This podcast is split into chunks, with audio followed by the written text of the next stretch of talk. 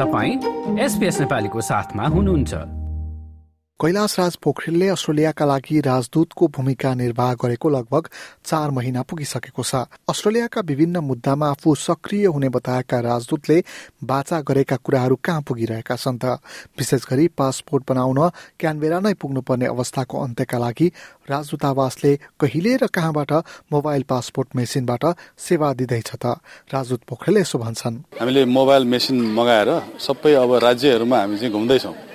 अब हाम्रो पहिलो चाहिँ तास्मानियामा जाँदैछौँ हामी यो नोभेम्बरको पाँचमा। त्यहाँबाट त्यहीँ चाहिँ घुम्ती सेवा भनेर त्यहीँबाटै हामी चाहिँ त्यहाँ हाम्रो स्टाफै जाँदै हुनुहुन्छ। त्यहीँबाटै हामी सेवा दिन्छौँ। त्यसपछि त्यो क्रम चाहिँ ब्रिस्बेनमा पनि जान्छ। यो तेह्र तारिकमा हामी ब्रिस्बेनमा पुग्छौँ। त्यसपछि पर्थमा जान्छौँ। अब यो क्रम जारी छ। यो यो चाहिँ यसले गर्दा धेरै नेपालीहरूलाई चाहिँ अब सबैलाई त पुऱ्याउनु नसकिएला।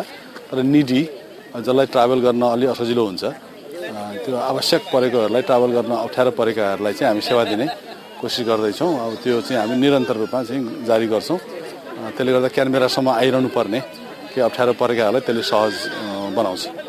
अस्ट्रेलिया नेपाल बीचको सिधा उडानका बारेमा के भइरहेको छ त भन्ने प्रश्नमा सबै सम्झौताहरू भइसकेको भए पनि व्यावसायिक निर्णय भएकाले आफूले सरकारी र निजी विमान कम्पनीहरूसँग कुरा राखिरहेको राजदूतले बताए।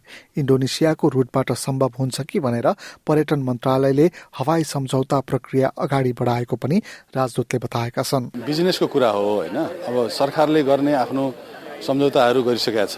सरकारले गर्ने सम्झौता गर्यो।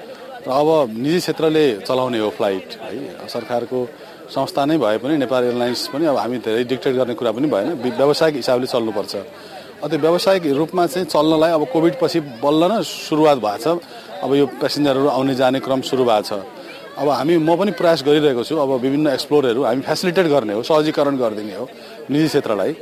अब यहाँ परेको कुराहरू हामी सहजीकरण हामी गरिरहेछौँ। विभिन्न अप्सनहरू जस्तो यताको कन्टासहरू भए उतापट्टि अब हिमालयन एयरलाइन्ससँग पनि मैले कुरा गरेको छु। अब नेपाल एयरलाइन्ससँग त कुरा भएकै छ। अब इन्डोनेसियाको रुटबाट हुन्छ कि भनेर हामीले इन्डोनेसियासँग पनि हामीले यो हवाई सम्झौता गर्दैछौँ पर्यटन मन्त्रालयले गर्दैछ। अब यी सबै किसिमका प्रयासहरू चाहिँ भइरहेका छन्। अब यो कहिले हुन्छ ठ्याक्कै भन्ने कुरा चाहिँ अब केही अब पर्खिनु पर्ने हुनसक्छ।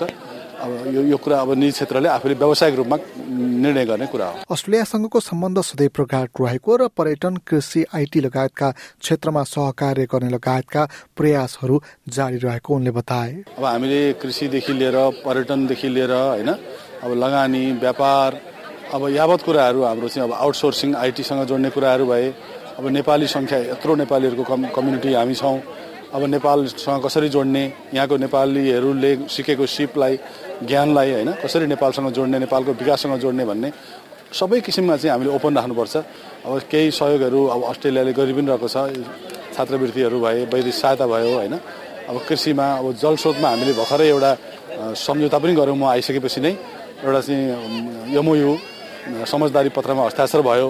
त्यसले चाहिँ हाम्रो अब केही प्रोजेक्टहरू अगाडि बढ्ने सम्भावना खुल्छ। अब यावत किसिमले हामी एक्सप्लोर गरिरहेका हुन्छौँ। अब यो वैदेशिक के अरे यो द्विपक्षीय सम्बन्ध भनेको निरन्तर जारी रहन्छ होइन? भ्रमणका आदान प्रदान गर्न प्रयास भइरहन्छ। त्यो हामी गर्दैछौँ म पनि गर्दैछु भन्दाखेरि। अब यो सम्बन्ध चाहिँ अब लामो समयसम्म हाम्रो निरन्तर राम्रो छ।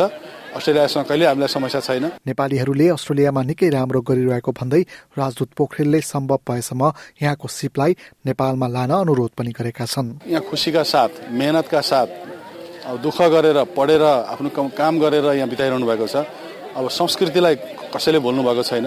अझै पनि तपाईँले यो छठ पर्वको छठ पर्वको अवसरमा मलाई यो यहाँ आएको छु म। तपाईँले देखिरहनु भएको छ कति उत्साह छ उमङ्ग छ। यस्ता पर्वहरू हामीले हरेक किसिमका पर्वहरू दसैँ तिहार होइन छठ अब अनेक किसिमका सबै जात जातिहरूले होइन समुदायले यहाँ चाहिँ मनाइरहनुहुन्छ विभिन्न अवसरमा। अब यी कुराहरूमा अब नेपाल सम्मतै पनि भर्खर ऊ भयो होइन यो एघार सय त्रिचालिस। भन्दाखेरि यो यो निरन्तर रूपमा संस्कृतिको चाहिँ जगेर्ना भएको छ र यो नेपाल फेस्टिभलहरू हेर्नुहोस् त विभिन्न राज्यमा भइरहेको छ त्यहाँ हामी गइरहेका छौँ। र यो निरन्तर छ र यो नेपालीहरूले आफ्नो संस्कृतिलाई बचाउँदै नेपाललाई सहयोग गर्दै आफ्नो मातृभूमिको यहीँबाट जति सकिन्छ सहयोग गर्नुभएको छ।